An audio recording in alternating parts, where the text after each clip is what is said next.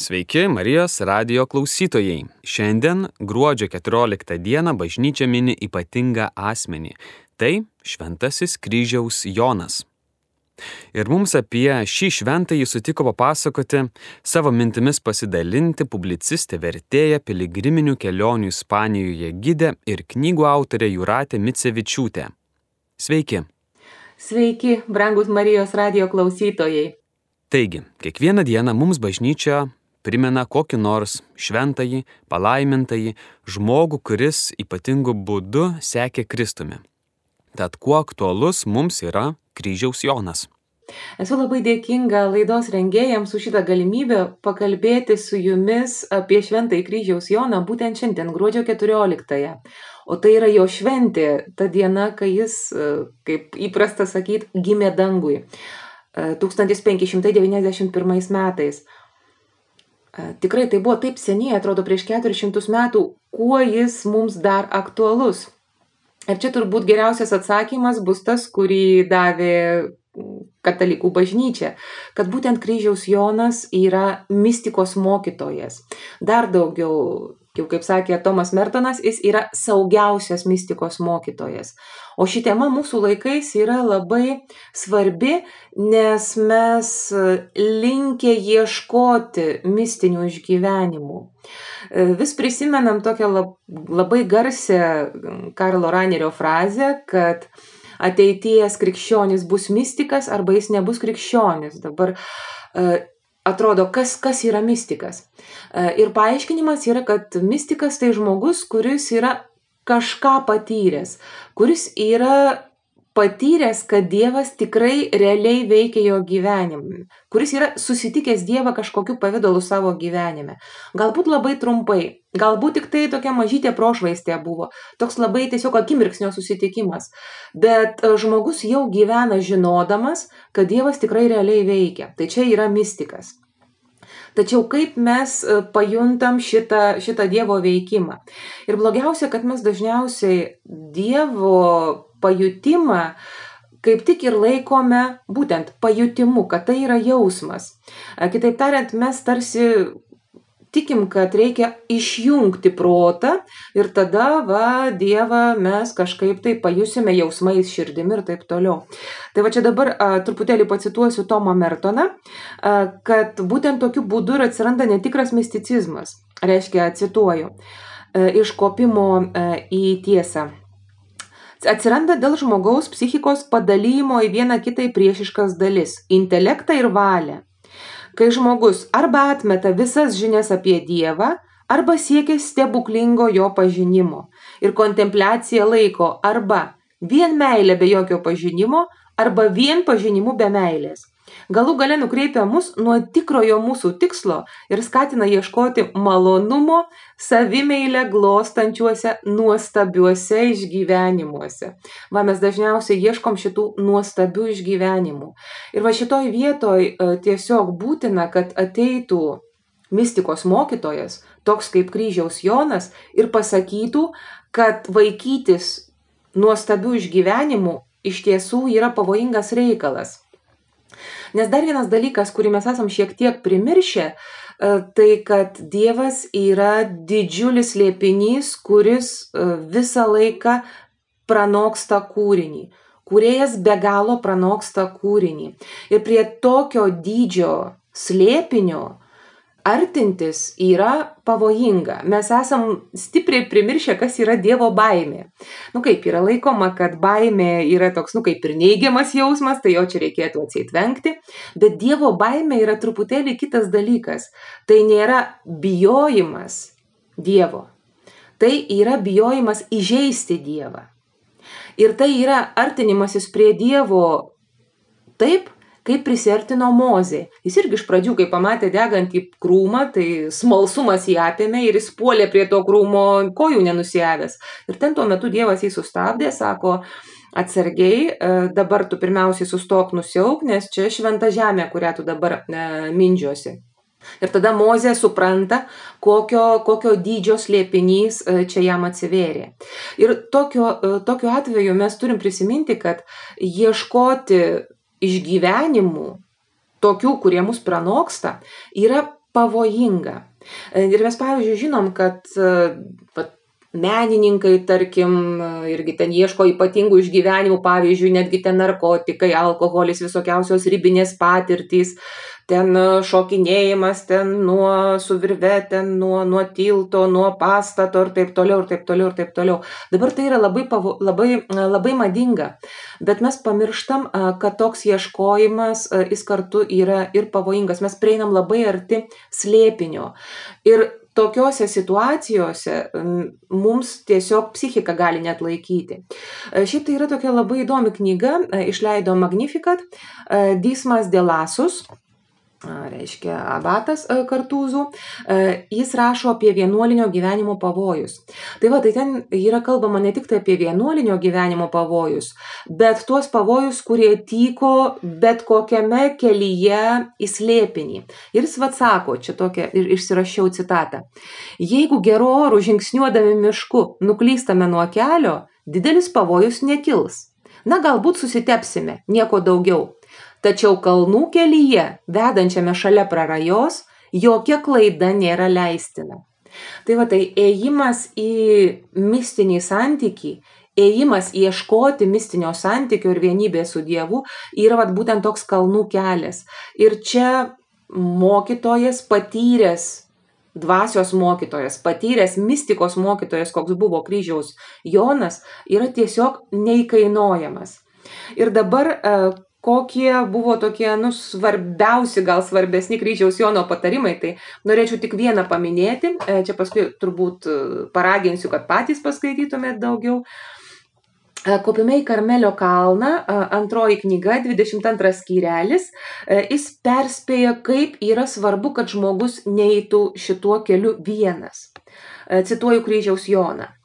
Todėl ir Evangelijoje Kristus pasakė, kur du ar trys susirinkę mano vardu, ten ir aš tarp jų. Čia iš Mato Evangelijos 18 skirelio 20 eilutė. Vadinasi, nušviesdamas ir patvirtindamas jų širdyse Dievo tiesas, Kristus pabrėžė, kad jis pasakė, ne kur bus vienas ten ir aš būsiu, bet kur bent du, taip norėdamas parodyti, kad Dievas nenori, jog kas nors vienatvėje pats savo vienas patikėtų Dievui priskiriamais dalykais, įsitikintų ir net pasikliautų jais be bažnyčios ir jos tarnų, nes kol jis vienas, Dievas neapšvies jo ir nepatvirtins jo širdyje tiesos, ir žmogus liks silpnas bei šaltas jos atžvilgiu. Čia buvo citata iš kryžiaus Jono. Reiškia negerai, kai žmogus yra vienas. Ir dabar šitas jo patarimas labai gražiai susišaukia su patarimu, kurį popiežius Pranciškus davė 2018 metais. Jis parašė tokį apaštališką įparaginimą. Vadinasi Gaudete et exultate būkite linksmi ir džiūgaukite, čia pagal pirmus žodžius. Ir jisai perspėja, kad Dievo ieškoje mūsų laikais yra būdingi du perlenkimai. Tai vienas yra toksai gnostikų perlenkimas, kai mes tarsi norim iškūnyti slėpinį. Reiškia, pirmenybę teikiam tokiam, nu kaip grinam Dievo pažinimui. Ir kaip sako popiežius Pranciškus, ieškome Dievo be Kristaus, Kristaus be bažnyčios bažnyčios be tautos. Reiškia, mes ieškom gryno Dievo pažinimo. Ir tai yra viena iš dviejų didžiųjų mūsų laikų pagundų. Antra mūsų laikų pagunda yra ta senoji pelagijonių erezija. Dabar pelagijoniais suabsoliutino valią, reiškia pasitikėjo vien savo, savo jėgomis, kad žmogus pats vienas e, jaučiasi pranašesnis už kitus, kad jis tiesiog gali prasimušti iki Dievo, kad jam visiškai nereikia jokių normų, kad jis čia pats viską padarys. Tai dabar popiežius Pranciškus sako, kad tokie nesupranta, kad ne visi gali viską ir kad šiame gyvenime žmogiškasis trapumas neišgydomas iki galo ir kartą visiems laikams.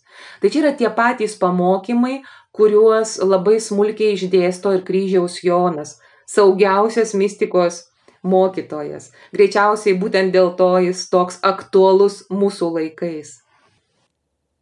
Taip, ačiū, kad priminėte mums apie tuos pavojus keliaujant dvasiniu keliu ir daug tų patarimų tikriausiai yra surašyti jo veikaluose.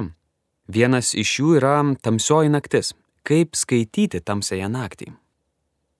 Turbūt svarbiausias dalykas, kurį reikia prisiminti, kai atsiverčiame tamsėje naktį, tai kad šis veikalas buvo parašytas jau išaušus.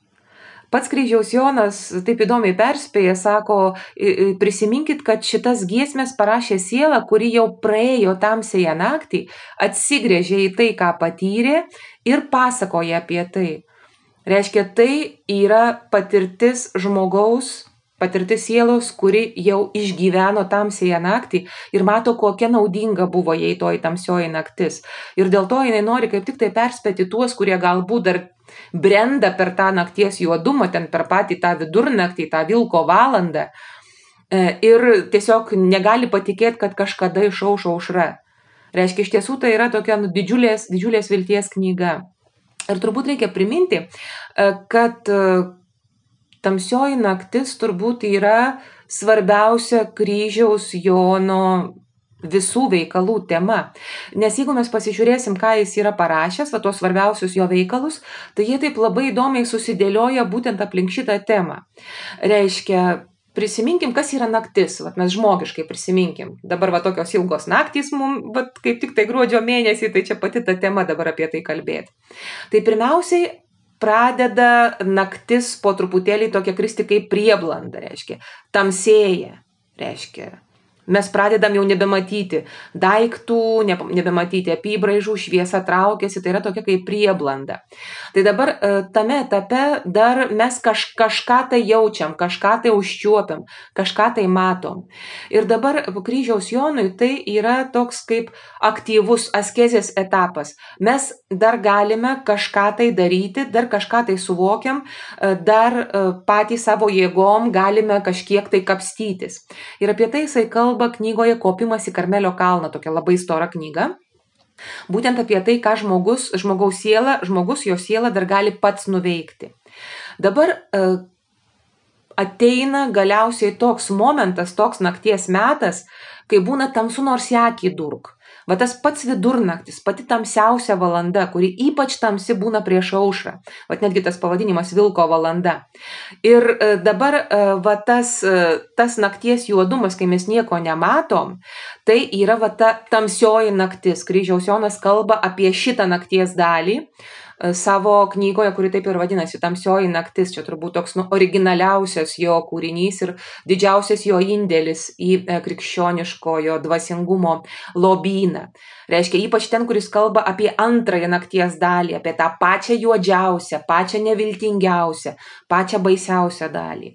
Ir galiausiai pradeda aušti.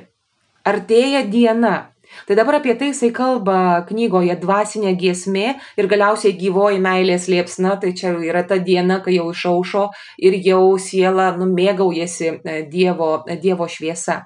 Reiškia, va šitos trys nakties dalys. Tai dabar jeigu mes pasižiūrėsime jau konkrečiai į tai, kas yra e, tamsioji naktis, va ta, ta dalis, kai žmogus pojūčiai savo nieko jau kaip ir negali išvelgti, reiškia vidurnaktis ir paskui tas jau tas baisusis priešaušris, tai yra tokios tarsi dvi dalys, kurios ir sudaro tamsėje naktį. Nes kryžiaus Jonas skiria, kad prieš e, pirmą eina tokia kaip pojūčių tamsioji naktis, jinai yra truputėlį švelnesnė, galima taip sakyti, nors žmogui vis tiek būna labai baisu, nes nu, vis tiek mes, mes nieko nematom. Reiškia, žmogus yra bejėgis, jisai yra kaip aklas, kuris leidžiasi vedamas už rankos. Reiškia, Dievas ima žmogų už rankos ir veda per tą tamsią naktį. Pojūčių naktis. Bet Pojūčių naktis tai yra toks išgyvenimas, kurį kryžiaus e, Jono manimu turi praeiti nu, praktiškai kiekvienas krikščionis, kuris nors siekia nu, nors minimalaus dvasios tobulumo, nors šiek tiek paėti tobulėjimo keliu. Nes čia dabar pacituosiu, kaip kryžiaus Jonas sako. Sako, kad pojūčių naktis turėtų praversti ir patiems pradedantiesiems, kad suvokę savo dabartinės būsenos silpnumą, jie įsidrasintų ir trokštų būti Dievo įvesti į šitą naktį, kurioje siela sustiprėja ir įsitvirtina dorybėse ir pasirengia neapsakomai mėgautis Dievo meilėje. Dabar kada ateina ta tamsioji naktis, va šitą pojūčių, e, sako kryžiaus Jonas. Kai siela ryštingai atsiverčia tarnauti Dievui. Matote, Kai siela ryštingai atsiverčia tarnauti Dievui, jis paprastai ją ugdo dvasioje ir lepina kaip mylinti motina gležna vaikelį, teikdamas didelį pasiskonėjimą dvasinėse pratybose. Nes čia Dievas jai duoda savo švelnios meilės krūtį, likinai būtų gležnas vaikas. Čia jisai e, cituoja iš pirmo Petro laiško antros skyriaus, antra trečia eilutės. Reiškia, čia yra tas, tas momentas, kai žmogus atranda tikėjimą ir jam, ir jam taip gerai, nu jinai bažnyčia, jis ten laimingas, jis meldžiasi, jisai laimingas, o kokie potyriai, o koksai malonumas, o kokie išgyvenimai, jam viskas nuostabu gražu ir jisai jaučiasi, nu kaip ant sparnų, va tas pirmas etapas. Ir jisai nesuvokia, kad čia yra tas etapas, kai Dievas jį kaip motina gležna vaiką neša ant rankų. Bet Jeigu motina nori, kad vaikelis išmoktų vaikščioti savo kojytėm, kad tos kojytės jam sustiprėtų, jinai turi pastatyti jį ant žemės. Ir vaikas nenori, jisai vėl ant rankyčių prašosi, nu, bet mes žinom, kaip vaikus auklėja. Ir va, e, toliau kryžiaus Jonas sako, kadangi pradedantieji taip pat nėra užgrūdinti dorybėse, smarkios kovos pratybose, dėl to jų dvasiniai darbai pilni trūkumų ir netobulumų nes jie, jie patys to nemato. Ir va ta pirmoji tamsiosios nakties dalis e, šitos knygos yra tokia labai įdomi, nes ten kryžiaus Jonas kalba apie įdas. Mes pripratę didžiasias įdas sieti su kūniškais dalykais. Nu, tai ten gopšumas, gašlumas, rūstumas, nesaikingumas, pavydas, tingumas mes siekia, siejam su tokiais medžiaginiais dalykais. O kryžiaus Jonas taip labai įdomiai paima šitas įdas ir jas pritaiko dvasiniam gyvenimui. Ir va, jeigu mes pasimsim pirmuosius tamsiosios nakties skyrius, pirmosios dalies, mes tiesiog galim pasitikrinti, kiek tas mūsų dvasinis gyvenimas, kuriuo mes galbūt taip didžiuojamės, kiek iš tiesų jis yra tobulas. Nes iš tiesų mes esam labai netobuli, tik to nematom. Tai čia truputėlį labai trumpai pacituosiu. Čia iš trečios skyriaus pirmosios dalies. Apie e, gopšumo įdą. Va daugelis tokių pradedančiųjų, sako kryžiaus Jonas, niekada nepasisotina, kai klausosi patarimų ir mokosi dvasinių priesakų. Jie turi ir skaito daug knygų, kuriuose apie tai rašoma. Šitiems dalykams išeikvoja daugiau laiko nei tam, ką privalo daryti - apsimarinti ir tobulinti vidinį dvasinį neturtą. Užuot tai darę apsikrauna gražiais atvaizdais ir rožiniais. Čia atideda vienus, čia ima kitus, čia jais apsikeičia, čia vėl atsikeičia. Tai jų nori vienokių, tai kitokių, pamėgdami labiau vieną kryžių negu kitą mačitas gražesnis.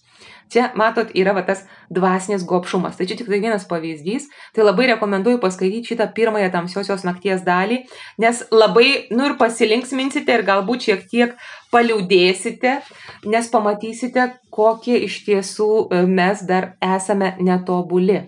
Dabar antroji tamsiosios nakties dalis - dvasios naktis, kryžiaus Jono žodžiais tariant, yra baisiausias dalykas, kokį žmogus gali išgyventi šiame pasaulyje, šiame gyvenime. Ir Dievas toli gražu ne visus įveda į šitą baisę dvasios naktį, o tik tai tuos, iš kurių laukia kažkokios labai svarbios misijos, kuriems patikės tokio dydžio darbą, kuriam siela turi būti ypatingai išgryninta.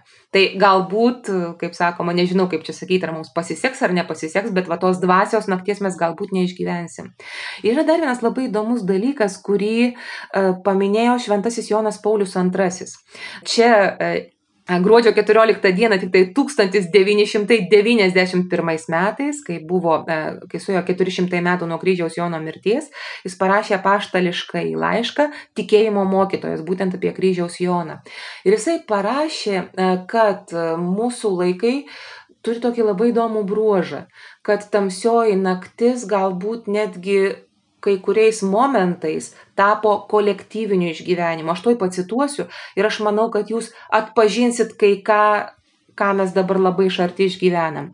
Štai ką rašė Jonas Paulius II e, prieš 30 metų. Taip, cituoju. Fiziniai, moraliniai ir dvasiniai kentėjimai, tokie kaip lyga, bado epidemija, karas, neteisingumas, vienatvė, gyvenimo prasmės stygius, pats žmogaus egzistencijos trapumas, skausmingas nuodėmės suvokimas, regimas Dievo nebuvimas, tikinčiajam yra apvalanti patirtis, kuri galėtų vadintis tikėjimo naktimi. Mūsų epocha išgyveno dramatiškas akimirkas, kai Dievo tylėjimas ar nebuvimas, negandų ar kančių patirtis karai ir šitiekos nekaltų žmonių holokaustas padėjo geriau suprasti mistinio daktaro žodžius apie tamsėją naktį, dar priedo suteikdama jiems kolektyvinės patirties pobūdį. Va tokie Švento Jono Pauliaus antrojo žodžiai, kurie nu šiek tiek netgi atrodo gal net pranašiški, galima taip sakyti. Tikrai, kad pranašiški. O mums žmonėms ypatingai nesinorigi sunkumų, lygų, nelaimių, tuo labiau tokio dalyko kaip tamsioji naktis. O dar grįžtant prie jo raštų ir minčių, jis gyveno daugiau kaip prieš 400 metų. Mes gyvename 21 amžiuje. Skirtumas didžiulis. Žmonės taip pat pasikeitė. Tad kuogi vertingi Šventojo kryžiaus Jono posakiai, kuriuos mes galime rasti? E, turbūt jūs turite galvoje kryžiaus Jono knygelę Šviesos ir meilės posakiai, kurią 2017 metais išvertė išleido e, paštuvos basosios karmelitės. E, tikrai tokia labai, labai šauni mažytė knygelė, kurią lengva su savimi visur nešiotis. E, bet iš tiesų čia yra užkabinamas gilesnis dalykas, e, nes iš tiesų jūs užsiminėte apie tai, ką išmanantis žmonės, kryžiaus Jono e, specialistai, laiko turbūt vienu didžiausių jo nuopelnų, kad jisai buvo teologas ir poetas. Kitaip tariant, žmogus, kuris sugebėjo tokias ganėtinai sausas teologinės tiesas išreikšti labai gardžių pavydalų ir taip, kad mums tiesiog lieka atmintyje, tokiais kaip poetiškais trumpais posakiais. Jisai buvo labai geras dvasios tėvas. Jisai mokėjo pasakyti taip, kad tiesiog būtų iš širdies į širdį, kad įkristų su kažkokiu palyginimu, su kažkokia metafora. Ir va čia dabar ant, ant šitos knygelės šviesos ir meilės posakiai, čia ant jos pristatymo labai teisingai rašo e, sesutės, kad tai yra trumpos dvasinės išminties kupinos sentencijos, parašytos dykumos tėvų raštams būdingų stiliumi. Tai tarsi trumpi eilėraščiai proza. Va, tai čia norima pasakyti, kad kryžiaus Jonas e, sugebėjo surasti tokią išraišką, kuri yra mums gardi, kuri mums teikia pasimėgavimą. Nu, pavyzdžiui, va toks, va toks posakis, nu tikrai turbūt va iš karto e, įkrinta. Va, sakykime, gyvenimo vakare būsi ištirtas meilė. Kažkaip įsidėmi iš karto. Arba pavyzdžiui, kitas pavyzdys, e, kuris dabar vat advento laikotarpiu labai e, mums yra gal aktualus, sakykim taip, kad kryžiaus Jonas yra parašęs romansą apie įsikūnymo slėpinį. Reiškia, va toks grinai advento skaitinys apie Jono Evangelijos pirmasias aštuonias eilutes, ten apie, apie Dievo žodį, jeigu prisimenat. Ir kai mes skaitom Jono Evangeliją, galbūt mums tai atrodo kažkaip ganėtinai abstraktu ir sausoka. Ir gal tikrai vat, labai gerai, kad ateina kryžiaus Jonas ir parašo romansą apie meilės istoriją. Reiškia meilės istorija tarp sužadėtinio, įsikūnijusio žodžio ir sužadėtinės žmogaus sielos. Reiškia, ir jisai pasakoja tame romanse, Aš čia dabar truputį pacituosiu, kad reiškia Dievas tėvas šitai prakalbėjęs, pasaulį sukūrė, rūmą sužadėtiniai didžiai išmintimi pastatė, į du kambarius aukštesnį ir žemesnį padalijo. E, citatos pabaiga. E, tai čia kryžiaus Jonas pasakoja apie tai, kad Dievas sukūrė pasaulį ne šiaip savo, bet dėl savo sūnaus ir jo meilės sužadėtiniai. Reiškia, pasaulis yra rūmas sužadėtiniai. Tai dabar tai reiškia, kad pasaulis yra geras dalykas, vad netgi tie medžiaginiai dalykai. Reiškia, gerai padalino Dievas tą, reiškia, rūmą į du kambarius aukštesnį ir žemesnį. Bet paskui sako, visi jie vienas kūnas sužadėtinės. Reiškia, tie medžiaginiai dalykai, jie irgi yra gėris, nes tai yra Dievo dovana, sužadėtiniai dėl to, kad sužadėtinė yra jo sūnaus įsikūnijusio žodžio didžioji meilė. Ir kad tas žodis įsikūnija dėl to, kad jisai myli sužadėtinę. Tai va, tai čia advento laikotarpiu tiesiog yra, kai mes esame raginami galbūt šiek tiek susilaikyti nuo kai kurių tokių medžiaginių dalykų, kai kur save truputį suvaržyti, tai ne dėl to, kad savaime tie dalykai būtų blogi, bet dėl to, kad mes gerą dalyką paliekame dėl geresnio. Reiškia, mes kai kuriuos gerus dalykus atlaisviname iš savęs išimame, kad mumise atsirastų vietos dar geresniems dalykams. Palikti gerą dėl geresnio. palikti rūmą Dievo sukurtą dėl dar geresnio dalyko, kad mes kaip giesmių giesmės sužadėtinė išeitumėm ieškoti savo sužadėtinio.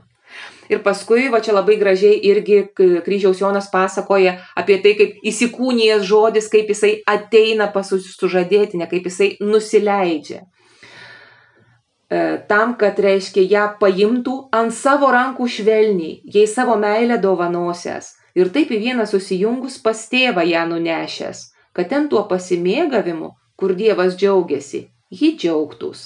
Kad kaip tėvas ir sūnus, ir kylanti iš jų dvasia gyvena vienas kitame, taip būtų ir sužadėtinė, kad pasinėrusi Dieve, Dievo gyvenimą gyventų. Tai va čia yra iš romanso apie įsikūnymą, jeigu norėsit paskaityti visą romansą, tai jis yra skelbiamas pernai metų naujojo žydinio paskutiniam numerį. Internete galima susirasti. Tai čia yra, kokiu būdu e, kryžiaus Jonas tokias ganėtinai galbūt sausas tiesas, kurias mes randam katekizme, kaip jisai sugeba jas išreikšti nu, tokio nuostabaus meilės romanso formą. Nu arba, vat, pavyzdžiui, e, eilėraštis apie Eucharistiją. Tai čia irgi gabaliuką pacituosiu.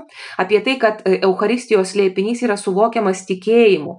Reiškia, mūsų pojūčiai yra tarsi aptemdyti, tarsi naktyje. Tai va čia e, gabaliukas. Vadinasi, gerai žinau aš versmę.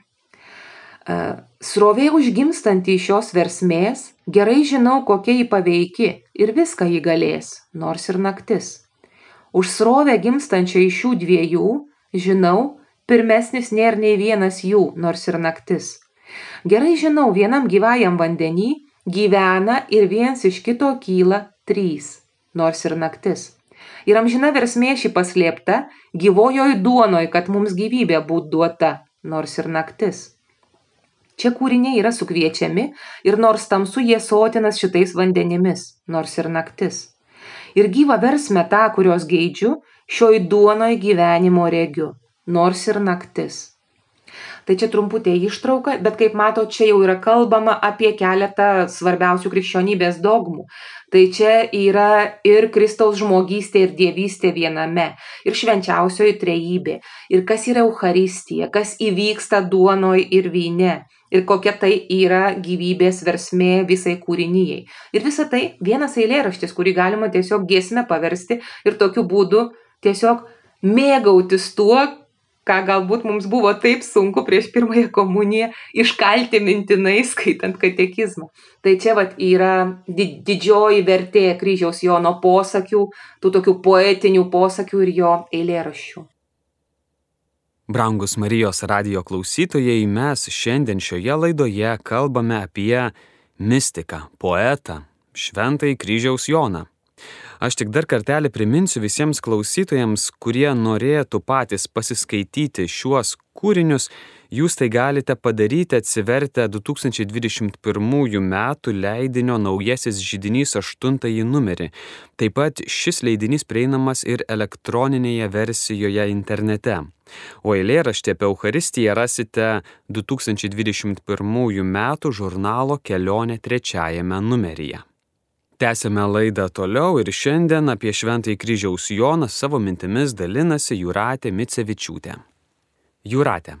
Savo veikaluos šis mystikas kalba apie prisirišimus, neprisirišimus, tad ką tai reiškia, kad reikia prie nieko neprisirišti? Žodis neprisirišti arba atsirišimas arba atsižadėjimas tai turbūt yra ta sąvoka kuri daugiausiai nesusipratimų sukėlė dėl kryžiaus jono. Nes kai mes kalbam kad va čia jis visą laiką skatino e, atsirišti atsižadėti neprisirišti kad jam tik nieko nieko ir niekur nieko reiškia nereikia ten ieškoti ir taip toliau. E, tai mes įsivaizduojam kad tai buvo toksai be galo sausas asketas kuris ir pats gyvenimu nemokėjo džiaugtis ir nenorėjo ir kitiems draudė tą daryti. E, pavyzdžiui, buvo toksai religijos psichologijos pradininkas Williamas Jamesas, jisai prieš šimtą metų parašė fundamentalų veikalą e, apie religijos e, patirties įvairovę ir jisai ten kryžiaus Joną tiesiog vat aprašo apie kaip tokį nu, visiškai sausą ir netgi lyguistą žmogų, kuris nu, absoliučiai nežinojo, kas yra gyvenimo džiaugsmas. Ir čia iš tiesų yra didžiulė klaida, nes Williamas Jamesas pražiūrėjo kad kodėl kryžiaus Jonas siūlo, rekomenduoja tai daryti, kodėl toksai patarimas. Iš tiesų kryžiaus Jonas elgėsi kaip didžiausias dvasios gurmanas, jeigu galima tai pasakyti.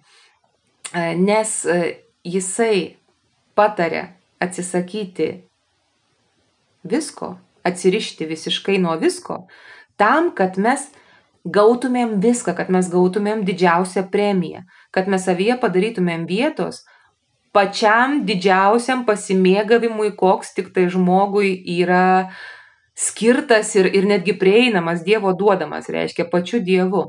E, jeigu mes atsiversime kopimą į Karmelio kalną, ten yra tokia, toks vienas skirelis, vadinasi Kalnelis, čia yra 65 puslapis, man atrodo, ten yra eilėraštis, čia yra tokia kaip koncentracija kryžiaus Jono mokymo apie tai, kas yra atsižadėjimas. Ir eilėraštis prasideda taip. Įdant skonėtumėsi viskuo, nenorėk skonėtis niekuo Reiškia, nenorėdamas skonėtis niekuo, žmogus pasiruošia gauti viską. Pasiruošia gauti tą pačią didžiausią premiją. E, toliau, e, kitas gabaliukas. Uždelsęs prie ko nors, liaujasi veržėsis prie visko. Įdant pasiektum visiškai viską, privalai palikti visiškai viską. Tai čia mato, čia kryžiaus Jonas moko kaip žmogus, kuris nenori gauti gabaliukais, jisai nenori trupinių, jis nori visko. Ir tam, kad gautų viską, jisai sako, meskit jūs tuos trupinius, paleiskit jūs tas, tuos, tuos gabaliukus, jums Dievas viską duos, tik tai vietos padarykit.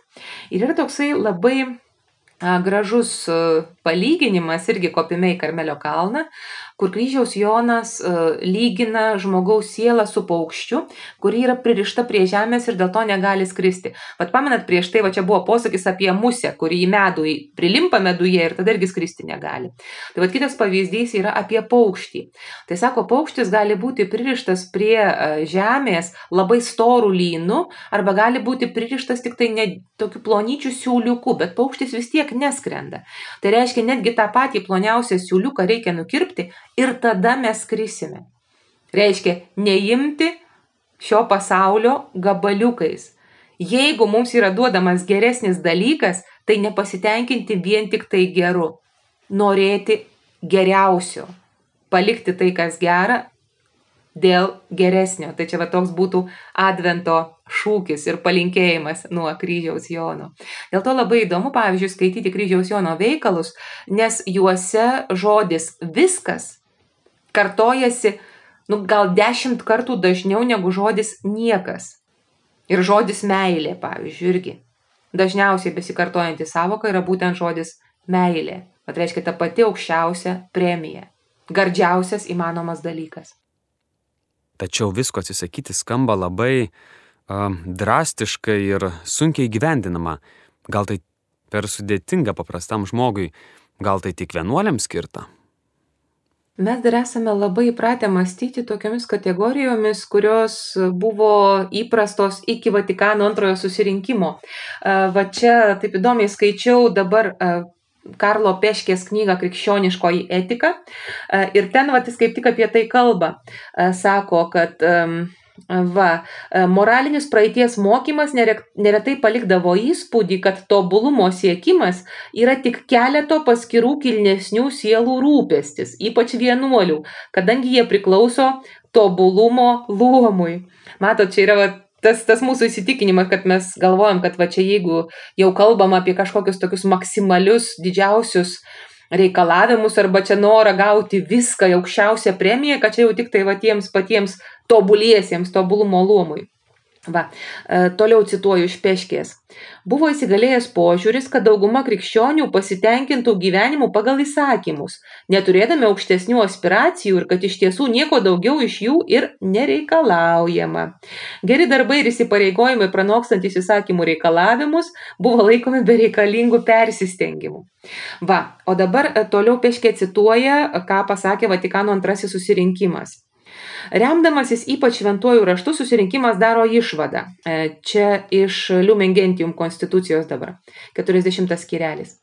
Taigi kiekvienam aišku, kad visi Kristaus ištikimieji, nesvarbu kokio luomo ar rango, yra pašaukti krikščioniškojo gyvenimo pilnatvę ir meilės tobulumą. Tai va, tai dabar jeigu mes su tokia, su tokia mintimi atsiversim kryžiaus Jono veikalus. Ir sakykime, bet yra toks vienas labai konkretus tekstukas, labai, labai smagus, tikrai rekomenduoju, vadinasi, keturi patarimai vienuoliui.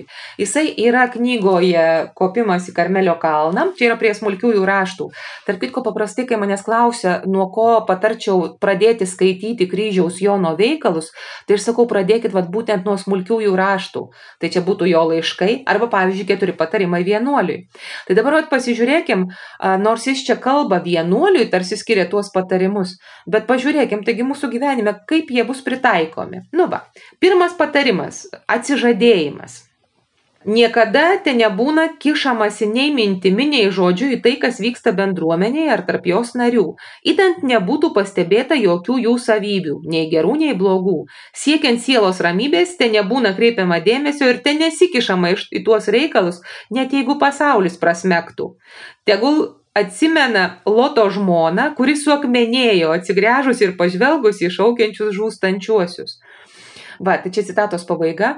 Tai čia kryžiaus Jonas patarė, paprastas dalykas - neapkalbinėti, nepletkavoti. Reiškia, kiekvienas turi rūpintis savo sielą ir nepulti ten ieškoti, krapštyti ten šapelio iš artimo akies. Čia apie tai yra kalba ir nu čia ne tik tai vienuolinė tie dalykai svarbus, čia bet kuriam kolektyve, dabar vat prisiminkit savo darbo kolektyvą ir pagalvokit, kaip apnuodė gyvenimą Bet kai ten, uh, ten sus, susirenka būrelis ir ten pradeda apkalbinėti va tuos anuos, tada ta, tie kiti susi, susi, ten vėl būrelis susirenka, ten vėl kažką tai ten šušu, šušu, šušu, ten jau kažką tai ten šnypžda murma.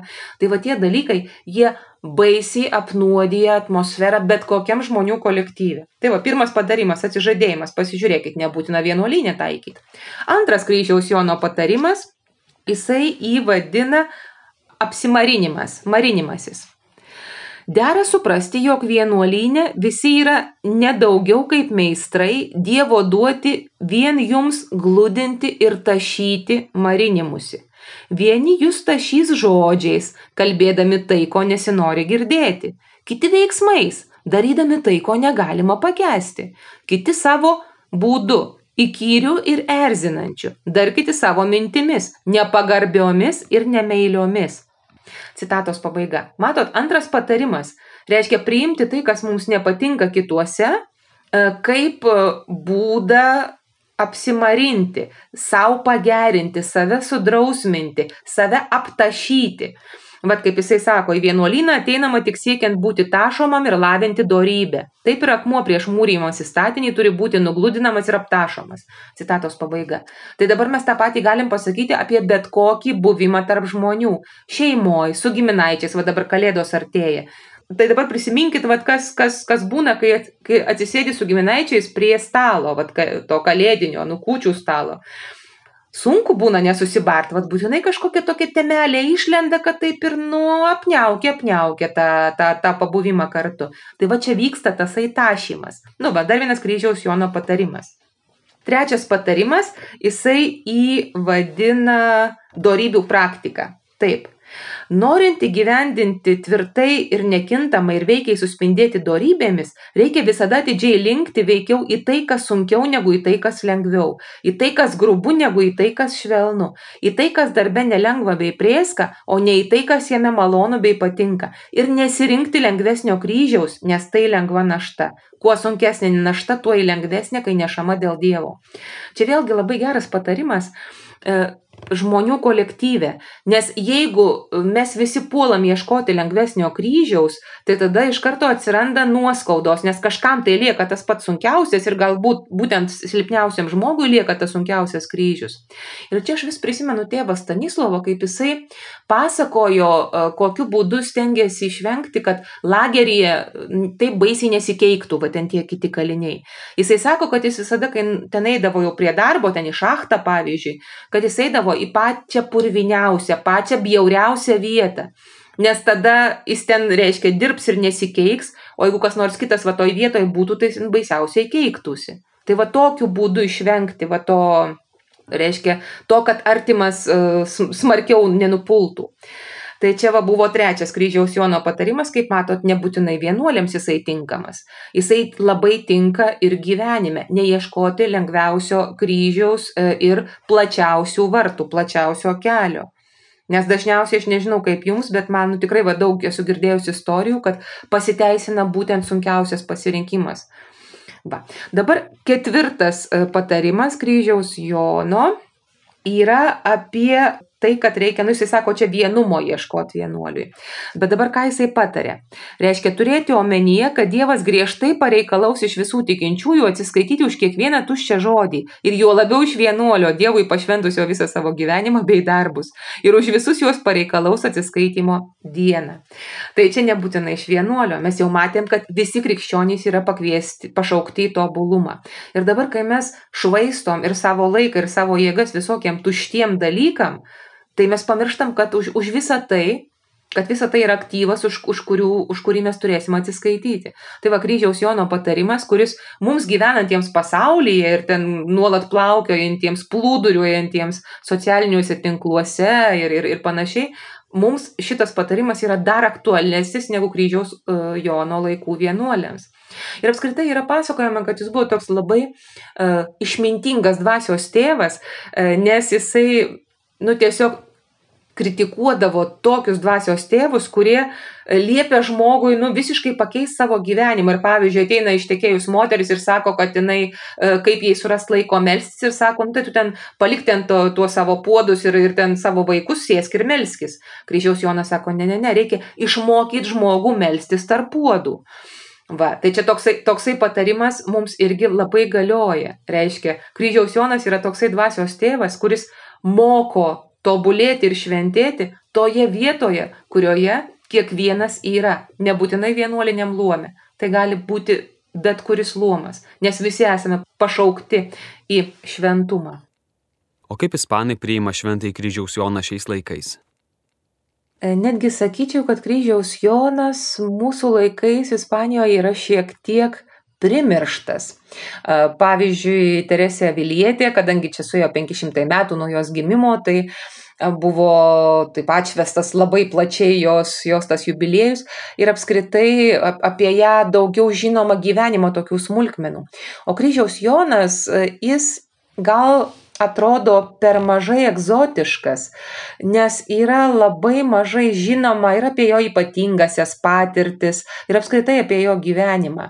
E, nes kryžiaus Jonas, va jeigu paskaitysim jo veikalus, tai jis praktiškai nerašo apie save, ten pirmo asmeniu nieko, nieko nesurasi, ten žodis aš yra nu, neegzistuojantis tiesiog. Tai va jeigu apie Teresę mes žinom apie daugybę regėjimų, visokiausių ten tokių anegdotinių situacijų šios gyvenimo ir panašiai, tai apie kryžiaus Joną nėra daug informacijos išlikę.